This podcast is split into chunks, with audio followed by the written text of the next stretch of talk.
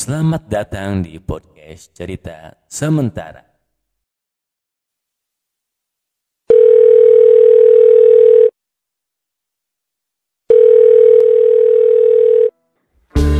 Oke Novi, selamat siang. Halo. Siang, halo. Ya Novi, apa kabar nih Novi? Alhamdulillah sehat luar biasa. Allahu Akbar ya. Kayak zaman anak-anak SD ya. Iya zaman-zaman kuliah dulu. zaman muhadarah waktu sekolah. Iya.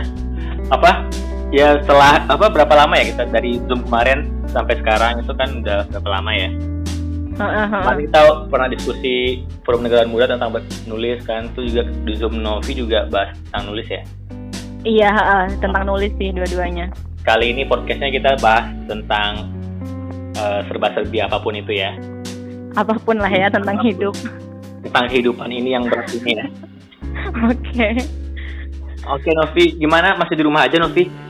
Iya masih di rumah karena masih belum disuruh masuk Oh, jadi ya udah hmm, hmm. berarti masih hmm.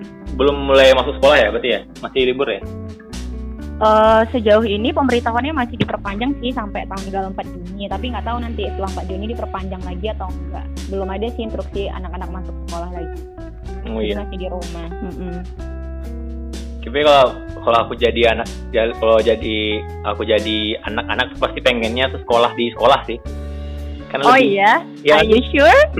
iya, kan Oke, okay, mungkin libur oke, okay, seminggu oke okay lah. Uh -uh. Tapi kalau uh -uh. sebulan dua bulan kan kangen sekolah, kangen teman-teman, kangen pulang kelas, ya nggak sih? Kangen guru-guru. iya iya benar. Uh, aku kan juga tergabung ya di beberapa grup WhatsApp anak-anak muridku. Nah itu emang mereka pro kontra sih. Jadi kayak awal-awal itu mereka kangen, eh enggak, awal-awal itu mereka senang libur. Uh, terus karena banyak dikasih tugas, banyak dikasih materi, mereka kayak udah bosan gitu jadi kayak pada curhat gitu kan Miss kayaknya lebih enak masuk sekolah aja deh tugasnya lebih sedikit nggak apa-apa yeah. belajar sampai sore gitu tapi belakangan ini tuh habis lebaran kayak mereka tuh curhat-curhat gitu kan di grup mereka bilang e, ah kayaknya udah keenakan libur di rumah deh. Uh, ini udah males lagi masuk sekolah. Itu ada juga beberapa anak-anak yang kayak gitu. Kayak udah apa ya kelamaan libur jadi udah lebih nyaman di rumah. Tapi banyak juga sih yang ini bilang kangen masuk sekolah lagi. Iya sih kalau ini aku ya kalau aku sih mm. libur seminggu oke okay lah ya seminggu masih ya. Lama-lama kangen juga sih kangen kantin ya sih? Kangen jalanan kantin. Iya iya bener. Kangen main sama teman-teman ya uh -uh, kangen jagain teman sih kalau iya bener. Kalau mau bahas tentang Novi.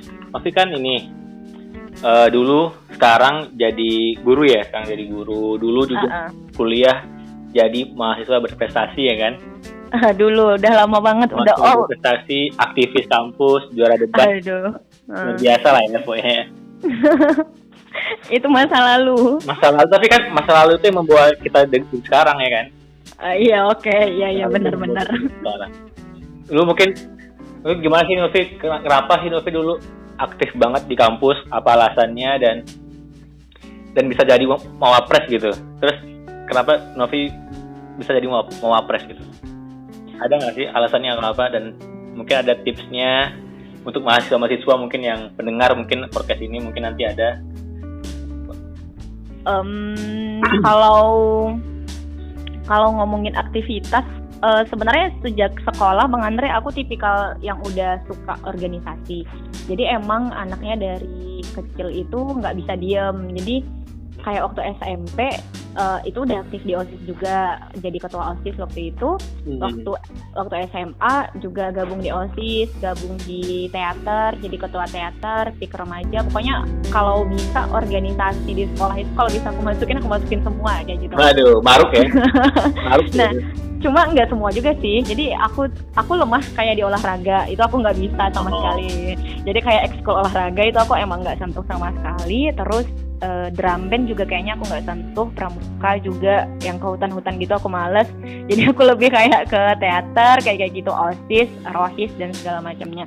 Nah jadi mungkin karena ini ya bang Andre uh, karena udah terbiasa aktif waktu sekolah jadi ketika masuk ke dunia kampus itu sama gitu nggak nggak bisa diam gitu kan uh, jadi kayak ngelihat maba kan biasanya kita disambut ya sama kakak-kakak uh, yang Yeah. aktif organisasi gitu kan nah itu aku sebenarnya awalnya nggak kenal apa itu BEM, apa itu HMG, apa itu HIMA, tapi eh, kayak di kampus itu kayak kita kalau mahasiswa baru itu disambut dengan hangat, dikasih petunjuk, petunjuk, eh, dikasih Petuah ya? wejangan, iya Petuah. petuah sama kakak-kakak senior.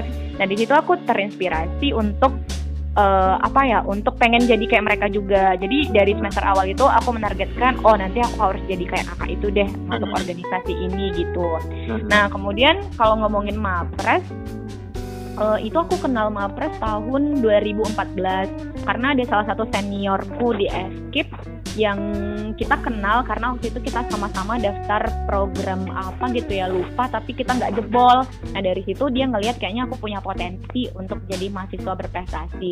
Akhirnya dia eh, kasih apa ya kayak di mentoring gitu loh. Jadi Iya. dia nunjukin, ha, dia bilang kalau oh, oh Novi ada ini loh ada mahasiswa berprestasi setiap tahunnya dari Kemenristek Dikti dikasih tahu alurnya apa aja persyaratannya. Akhirnya waktu itu aku semester 4 di tahun 2015 aku coba.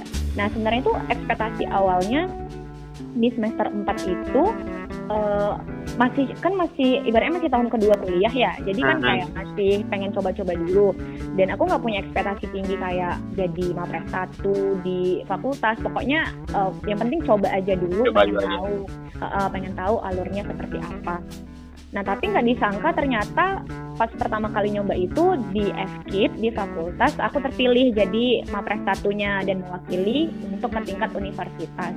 Ya udah akhirnya lanjut ke tingkat universitas. Dan di situ juga aku nggak punya ekspektasi tinggi sih sebenarnya. Maksudnya kayak nggak punya ekspektasi masuk 10 besar atau lima besar karena aku juga sadar kan eh, lawannya lawan apa sih teman kompetisinya itu eh, semester 6 semester 8 yang udah senior senior dengan aku masih masih semester bawah gitu. Nah eh, tapi di 2015 itu pas di tingkat universitas eh, ternyata masuk ke lima besar. Masuk ke lima besar dan nggak nyangka juga sih bisa sampai ke lima besar. Dan waktu itu disamperin sama dewan jurinya pas pengumuman dewan jurinya bilang e, kamu tahun depan ikut lagi ya kamu punya potensial besar untuk jadi mapres satu tahun depan kata dewan jurinya kayak gitu.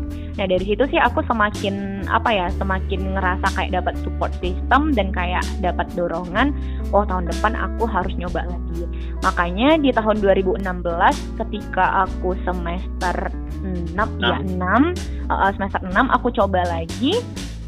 Dan akhirnya ya benar yang kata dewan jurinya setahun yang lalu terpilih jadi mapres satu dan eh, mewakili universitas di seleksi awal seleksi awal ya tingkat tingkat nasional. Cuma eh, tingkat nasional itu kan kita dari 200 mahasiswa mahasiswi se Indonesia. yang diambil eh, eh, cuma diambil 16 untuk presentasi ke Jakarta eh Jogja waktu itu tingkat nasionalnya.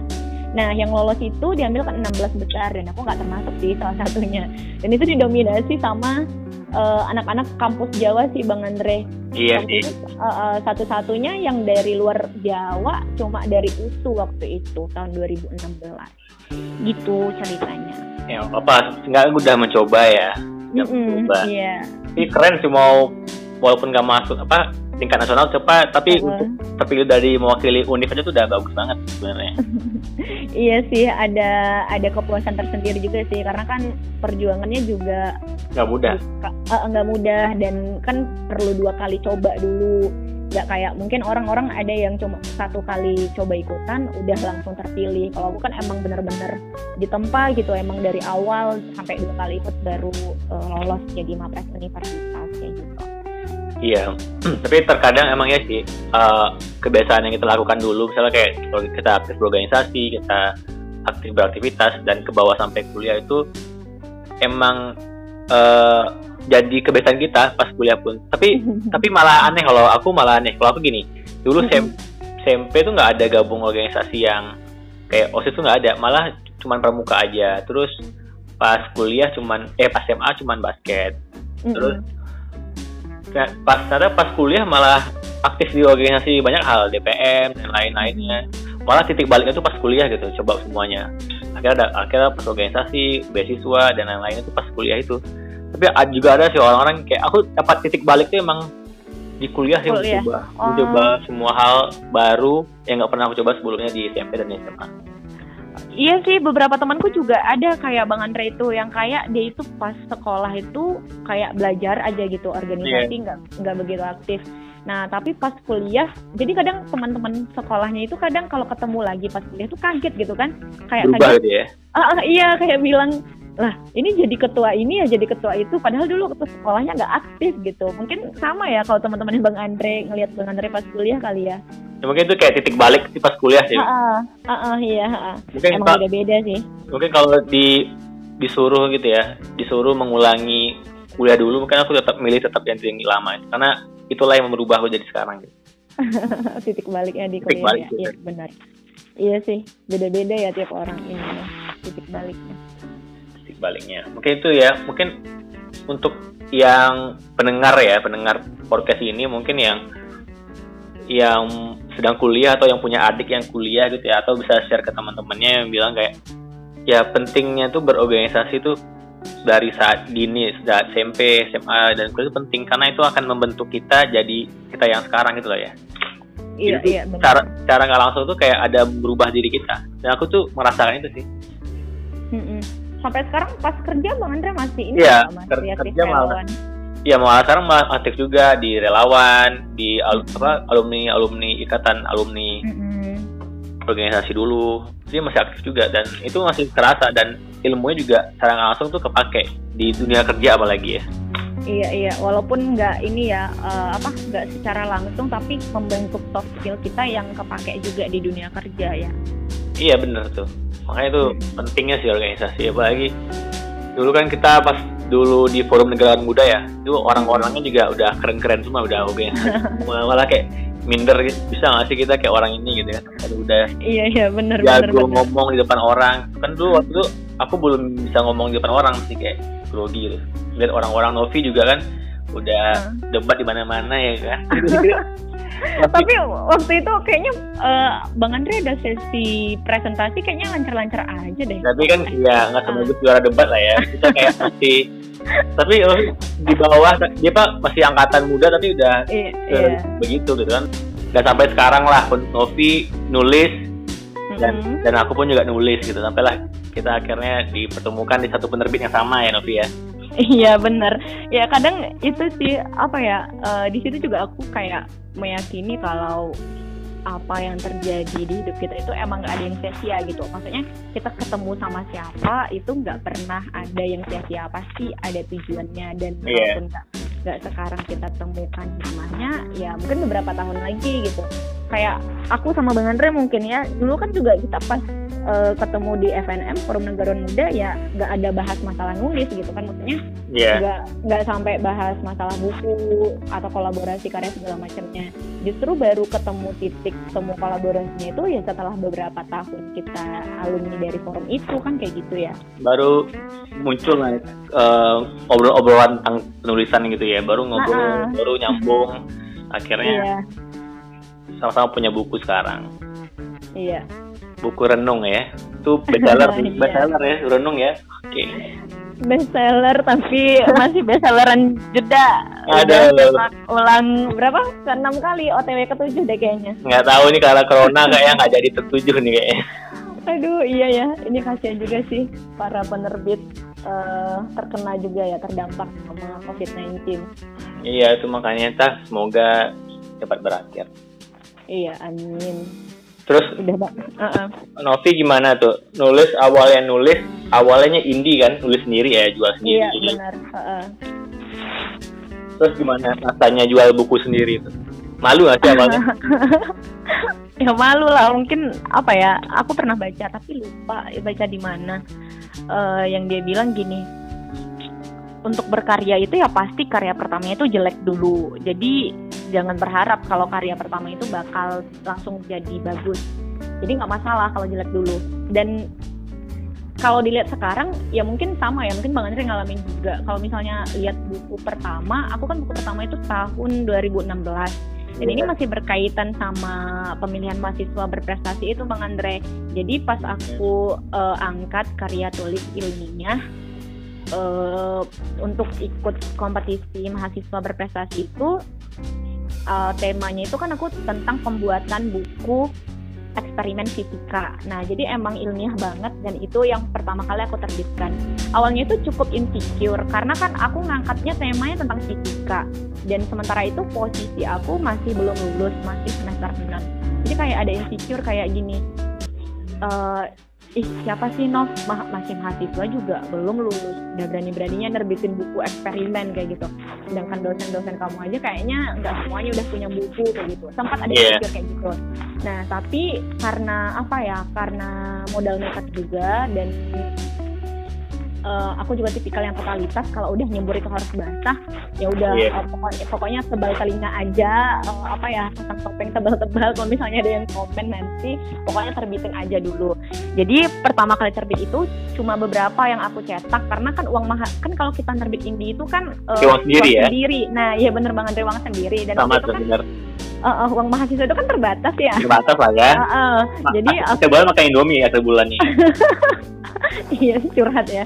Jadi uh, itu aku cuma cetak beberapa eksemplar uh, dan dan nggak nyangkanya itu ternyata sampai ke tangan dosenku dosenku yang wakil dekan satu di ekip waktu itu. Jadi aku dipanggil ke ruangannya dipanggil ke ruangan beliau.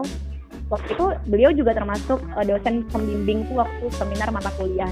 Kirain mau bimbingan gitu kan ternyata uh, beliau udah pegang bukuku aku kaget dong terus aku mikir kayak deg-degannya tuh parah deg-degan karena berhadapan sama itu kan wakil dekan satu dan ya Allah ini dibaca sama orang yang udah S3 gimana ini gitu. Iya. Terus uh, bapaknya bilang gini ini buku Novenia terus aku jawabnya sambil gugut gitu karena aku bilang iya pak gitu.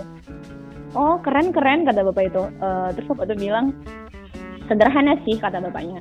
Uh, tapi saya yakin kok suatu hari nanti uh, buku kamu semoga ini ya terpajang di di toko buku. Nah dari situ tuh kalau aku refleksi lagi sekarang akhirnya kan 2019 aku nerbitin renung ya dan nerbitin yeah. nerbitin renung dan terpajang di toko-toko buku kayak Gramedia itu aku jadi flashback ingat lagi di tahun 2016 ketika dosenku bilang kayak gitu jadi uh, apa ya mungkin pesannya buat teman-teman adalah ya nggak masalah sih buku pertama apa ya karya pertama kita itu jelek At, uh, yang mungkin bisa jadi kita nganggapnya itu nggak layak tapi bisa jadi di luar sana ada orang yang menganggap itu layak dan justru malah memotivasi kita untuk terus eksplorasi diri dan buat apa buat karya lagi kayak gitu.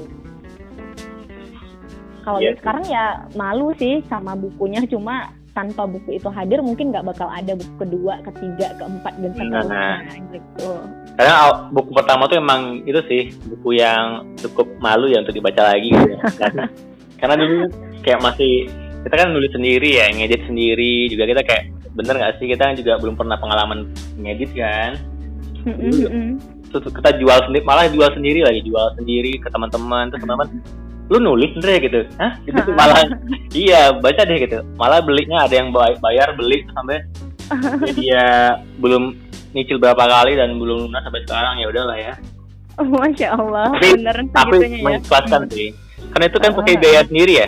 Itu iya, waktu itu aku juga apa ya mau meminjam lah, meminta uang dari orang tua juga, mah gitu mau. Oh iya. Iya kan biaya besar kan kalau untuk buku uh, uh, iya, banyak uh, uh, itu uh, bumpernya kan terus uh, apa minta uang terus uh, dikasih saya bikin buku jual sendiri malah jual sendiri uangnya habis nggak nggak nggak dibalikin ke orang tua ya akhirnya tapi orang tua ikut berapa eksemplar waktu itu Bang Andri? Buku pertama Kosa Rasa ya? Iya, 100 samplar lumayan oh. lah uangnya. Oh, oh, iya bener bener bener. Ya 100 banyak juga sih. Tapi, ya udah. Langsung habis itu. Bukunya habis, dijual secara dipak secara dipaksa sih jualnya dipaksa. Jadi mereka jual membeli buku tuh bukan dengan spoiler tapi dipaksa. Kira karena temen ya, karena, karena teman. Dan dipaksa sih aku paksa-paksa aja. Iya iya benar benar emang gitu. Kalau nggak dipaksa nggak akan beli mereka. Iya. tapi sekarang kan setelah bukunya iya.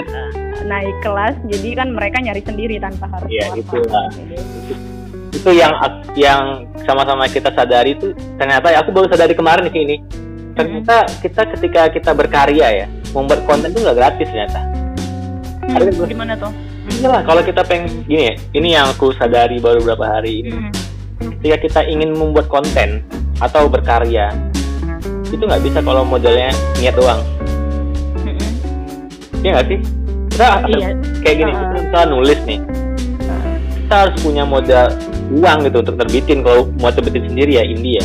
Oh, ha, kalau misalnya kita kita seenggaknya kita harus punya skill lah nulis gitu. Iya. ha. nggak nggak bisa kita modal nol tuh nggak bisa. Terus habis itu kita kalau ketika kita mau buat eh, misalnya kita buat konten apa pun ya konten eh, video ya kita harus punya kamera. Kita, Iya, kita, kita, kita punya HP lah yang proper. Terus kita punya skill edit jadi kita kalau kita pengen buat konten apa pun kita buat podcast nah kita harus punya mic kita harus punya ini itu ya kan skill editnya itu lain itu kan Iya, iya. jadi Iya, aku tuh sadar bahwa ternyata berkarya ber, dan berkonten itu tuh nggak nggak nggak gratis nggak mudah juga sebenarnya nggak gratis Iya. ya. kita butuh Iya, bener butuh usaha butuh modal Eh, butuh effort yang lebih ya. butuh effort yang lebih aja aku aja buat pengen buat eksperimen masak aja tuh harus ke pasar dulu membeli bahan makanan gitu kan Iya. Jadi kayak- Benar-benar. jadi tuh kayak membuat sebuah hal itu tuh nggak nggak gratis Ya sih? Iya. Walaupun itu kayak cuma postingan di Instagram yang mungkin orang-orang lihat kayak cuma satu quotes atau iya cuma satu video yang durasinya satu menit, tapi di balik itu semua ada perjuangan. Iya. Kalau Iya benar-benar benar. kayak video yang kita bareng baca quotes itu aja itu kan videonya harus kita harus cari ngerekam suara kita berulang kali ngeteknya Iya. Nah itu, iya itu bener banget. Itu bener banget. Jadi aku kayak ini banget 10 kan aku ngetek. Uh, uh, aku kan juga lumayan beberapa tahun belakangan emang suka buat voice over juga uh, kayak ngisi-ngisi suara di video-video Iya. gitu ya kolaborasi sama teman salah satunya kemarin sama teman Andre itu kadang suka ada yang komen atau yang DM di Instagram kayak "Eh, Kak Novi gimana sih caranya buat voice over kayak gitu? Gitu, ajarin dong dan segala macam kok bisa bagus? Padahal ya itu mereka nggak tahu itu tuh bukan sekali tag aja gitu tuh. Bahkan apa ya kadang udah mau selesai baca udah tag udah hampir habis baca voice overnya tiba-tiba nanti ada suara ayam berkokok Iya. ulang lagi. Cara bayi nangis gitu kan. Nah, ah, iya bener atau suara ponaan tiba-tiba teriak nangis atau tiba-tiba dipanggil oleh kakak dipanggil mama aduh harus ulang. Jadi kadang untuk menghasilkan satu voice over aja itu bisa retake-nya bisa sampai lima kali baru bisa jadi gitu. Cuma ya itu tadi ya orang-orang kan lihatnya Hasil. hasilnya. Nah, benar. maka juga belum lagi ngeditnya ya kan tuh Nah, ah, nah benar. Aduh, udah Pe. itu lumayan tuh jadi kayak satu postingan itu tuh effortnya luar biasa sih Ah, ah, iya, jadi mau kayak mau ingin berkarya dan ingin buat konten itu menurut aku tuh nggak free. Sih Seenggaknya Ah, ah, butuh teman-teman yang mau kayak mau mulai menjadi content creator atau menjadi nulis atau jadi berkarya apa pun ya itu tuh nggak bisa modalnya tuh modal-modal Pengen doang ya. pengen doang nggak bisa. Mm-mm, Iya. sebenarnya kamu punya mel- melatih skill lah. Pengen ngapain harus bisa lakukan itu dan kalau pengen terbitin buku indie harus punya modal biaya dan lain-lain juga kan aku juga waktu itu kan juga waktu masih buku pertama kan juga kuliah kan ah. kuliah juga dan itu desain covernya juga bayar kan ke orang bayar juga orang dan lain-lain Oh iya itu eh, tapi teman yang desain. teman teman bayar tapi teman kan Oh iya. teman ya minta bayar juga sih teman Oh iya iya benar. Dan kita juga segan ya kalau misalnya Iya. pakai jasa, jasa teman tapi nggak. ya kita bayar juga hasil Hmm. kan itu kalau aku menghargai karya seni dan desain Hmm. itu itu kan karya seni yang harus dihargai ya bayar gitu Iya Itu benar. butuh Sama, butuh modal juga kan iya. heeh. Sama sih kayak desain mungkin orang lihatnya ih simple desainnya tapi di balik itu semua eh, mungkin dia udah berlatih berbulan-bulan kayak Iya, gitu kan. betul Eh, ada yang mungkin sampai bahkan ngambil kursus. kursus sekolahnya Heeh. mahal juga Heeh. Iya ngeluarin biaya lagi, effort lagi. Ternyata kita harus mengeluarkan biaya dan waktu dan Hmm. pikiran yang stres Iya bener, waktu itu juga tenaga, waktu kan eh, karena aku juga kadang kalau misalnya nulis tulisan itu mungkin sepanjang caption di Instagram, tapi itu nu, mikirnya sampai proses jadinya Iya. sampai ngeditnya itu bisa sampai satu jam sampai lupa makan kayak gitu. Tapi orang-orang liatnya ya ya gitu deh. apalagi apalagi tuh ya kita ada Novi nulis ya. Aku juga nulis nih. Nulis nulis tiba-tiba tahu bukunya dibajak. Aduh. Ada tiba-tiba kesebar PDF-nya aduh gimana sih rasanya itu astagfirullah jangan sampai terjadi. Nggak kebayang sih emang itu kemarin kejadiannya kan di ini ya uh, awal-awal stay at home ya masa karantina. Iya. uh, uh, bulan-bulan Maret sih kayaknya hmm, apa judulnya? Ada Aisyah istri Rasulullah yang kayak kayak gitu. Tapi aku juga lihat kayak di Instagram kalau nggak Iya. salah JS Khairan atau siapa gitu. Lagi ada sih beberapa penulis yang karyanya udah cukup terkenal yang ternyata juga Hmm. karyanya di di share PDF ke grup-grup kayak gitu. Itu kalau terjadi sama aku nggak tahu sakitnya gimana. Dan sakitnya itu parahnya bang Andre eh, apa ya penulisnya merasa tersakiti tapi nggak bisa ngapa-ngapain gitu Iya, mau ngapain lagi gitu. ah. iya beda halnya kalau misalnya kayak kasus kriminal misalnya tindakan pencurian kita bisa lapor ke polisi kayak gitu ya Dari mencurinya Tapi- gitu ya. Ah, ah. Tapi kalau misalnya buku kita dibajak, lapor ke polisi mungkin nggak diopeni gitu karena nggak pernah ini kan, nggak pernah ada kasusnya yang seperti itu gitu. Walaupun udah tertera dengan jelas di cover buku kalau diterbitkan itu kan ada hak cipta dilindungi undang-undang gitu. Tapi tetap aja ada orang-orang yang nekat eh, dan apa ya tega, menurutku tega gitu, yang kok tega untuk eh, bajak PDF dibagi dibagikan gratis.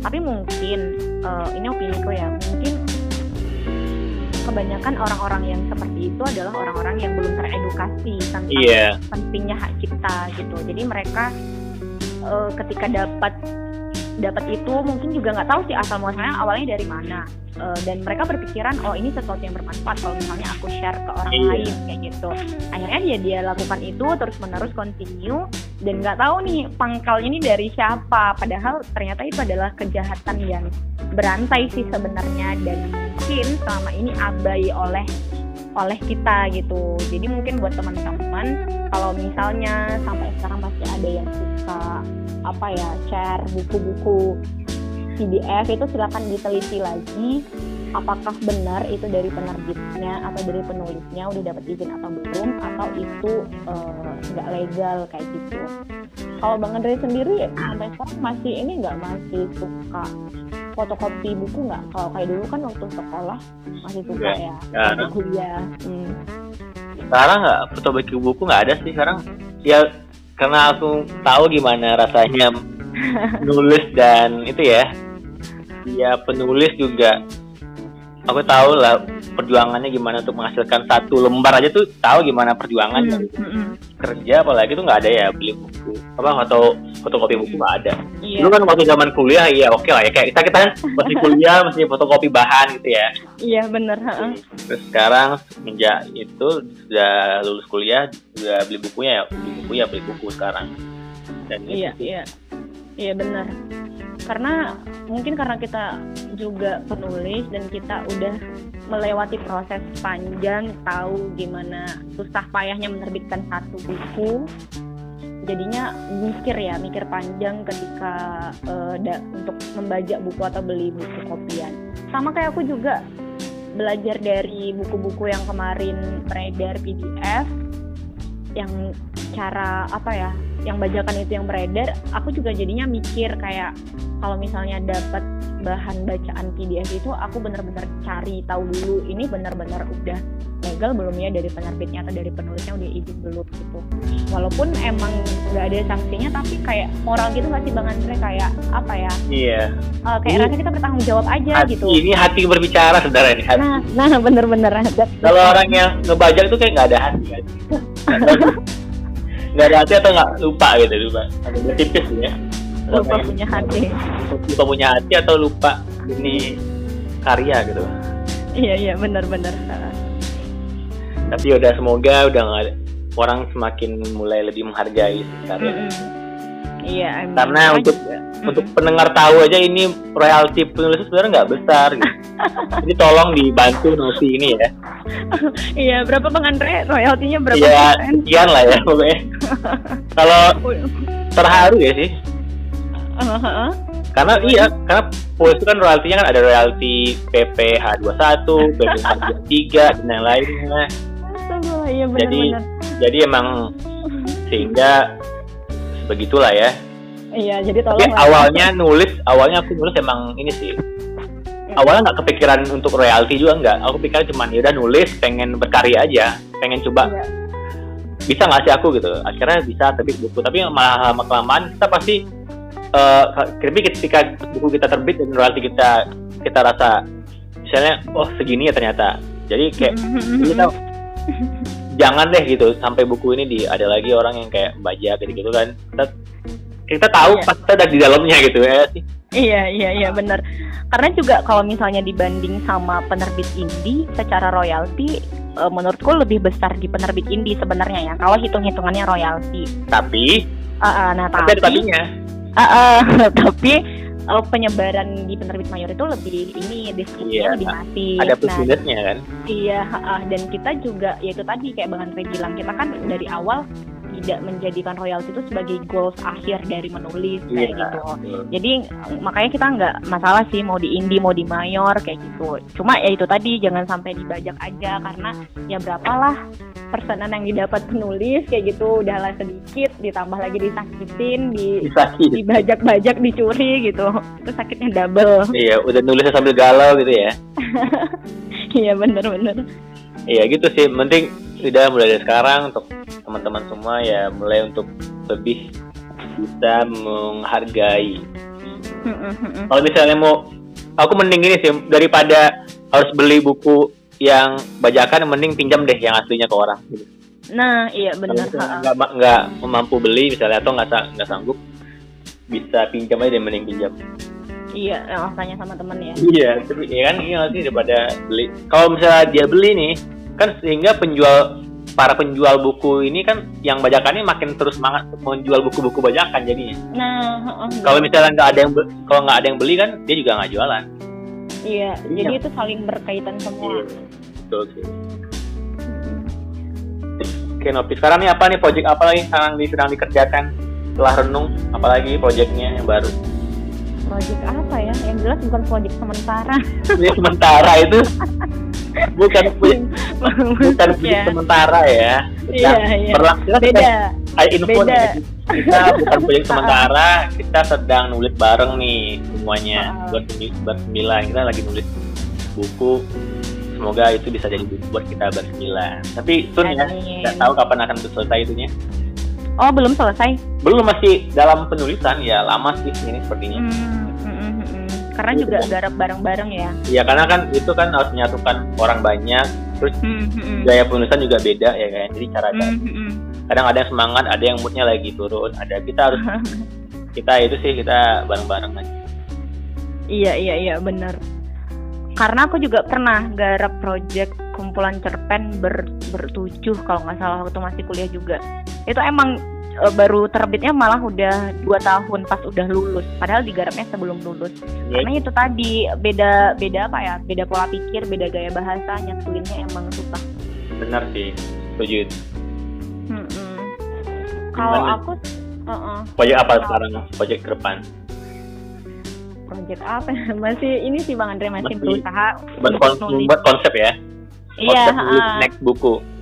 Uh, masih berusaha untuk melahirkan adiknya Renung, Oh ya, tapi tapi masih dalam proses penggarapan. Masih ini sih masih baru berapa persen ya? 10 atau 20 persen. Lah Iya, masih mencari masih riset juga masih mencari-cari jati diri buku kedua ini. Di Transmedia Pusaka gimana gitu ya nggak apa sih.